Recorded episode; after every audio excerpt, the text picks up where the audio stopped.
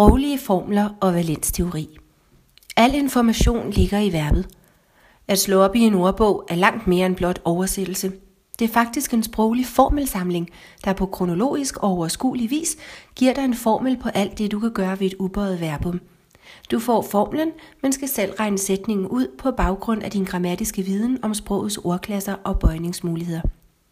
På CBS havde vi ligefrem et fag i grammatisk valensteori, der sammenlignede verber med atomer, hvor til er knyttet et antal bindinger eller why not sætningsled i form af subjekter og objekter. I denne optik kan vi faktisk gå helt matematisk til værks, når vi lærer sprog. Tag for eksempel verbet piacere, der for mange danskere lige skal regnes ud, fordi det forholder sig helt spejlvendt af det danske. Piacere er divalent, det vil sige, det har to bindinger. Her et subjekt og et dativobjekt, eksempelvis mi piace il regalo. For at løse ligningen må vi isolere størrelserne. Sætningens subjekt er gaven, og derfor er verbet bøjet i tredje person ental. Havde subjektet været i flertal, havde verbet været bøjet i tredje person flertal, mi piacciono i regali.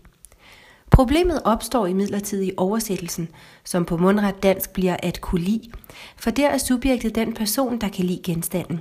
Jeg kan lide gaven. Verbet er stadig divalent på dansk, men med andre typer valensled, så det, der var dativ på italiensk, er blevet subjekt på dansk, og subjektet på italiensk er blevet akkusativ på dansk. Der er simpelthen blevet flyttet rundt på ligningen. Man kan glemme at konstruere sætninger af denne type, hvis man ikke kan sine formler og regneregler. Men når man kan dem, kan man ud over at konstruere formfuldendte sætninger, også regne baglæns og finde tilbage til udgangspunktet, det ubøjede verbum, infinitiven. Og så kan man jonglere og brillere sprogligt. Indtil da skal du bruge tiden på at lære at forstå regnereglerne og lave et hav af mellemregninger. Som underviser er jeg interesseret i at se dig navigere i din formelsamling og på at høre dine mellemregninger – uanset hvor lang tid det end tager dig at nå til løsningen.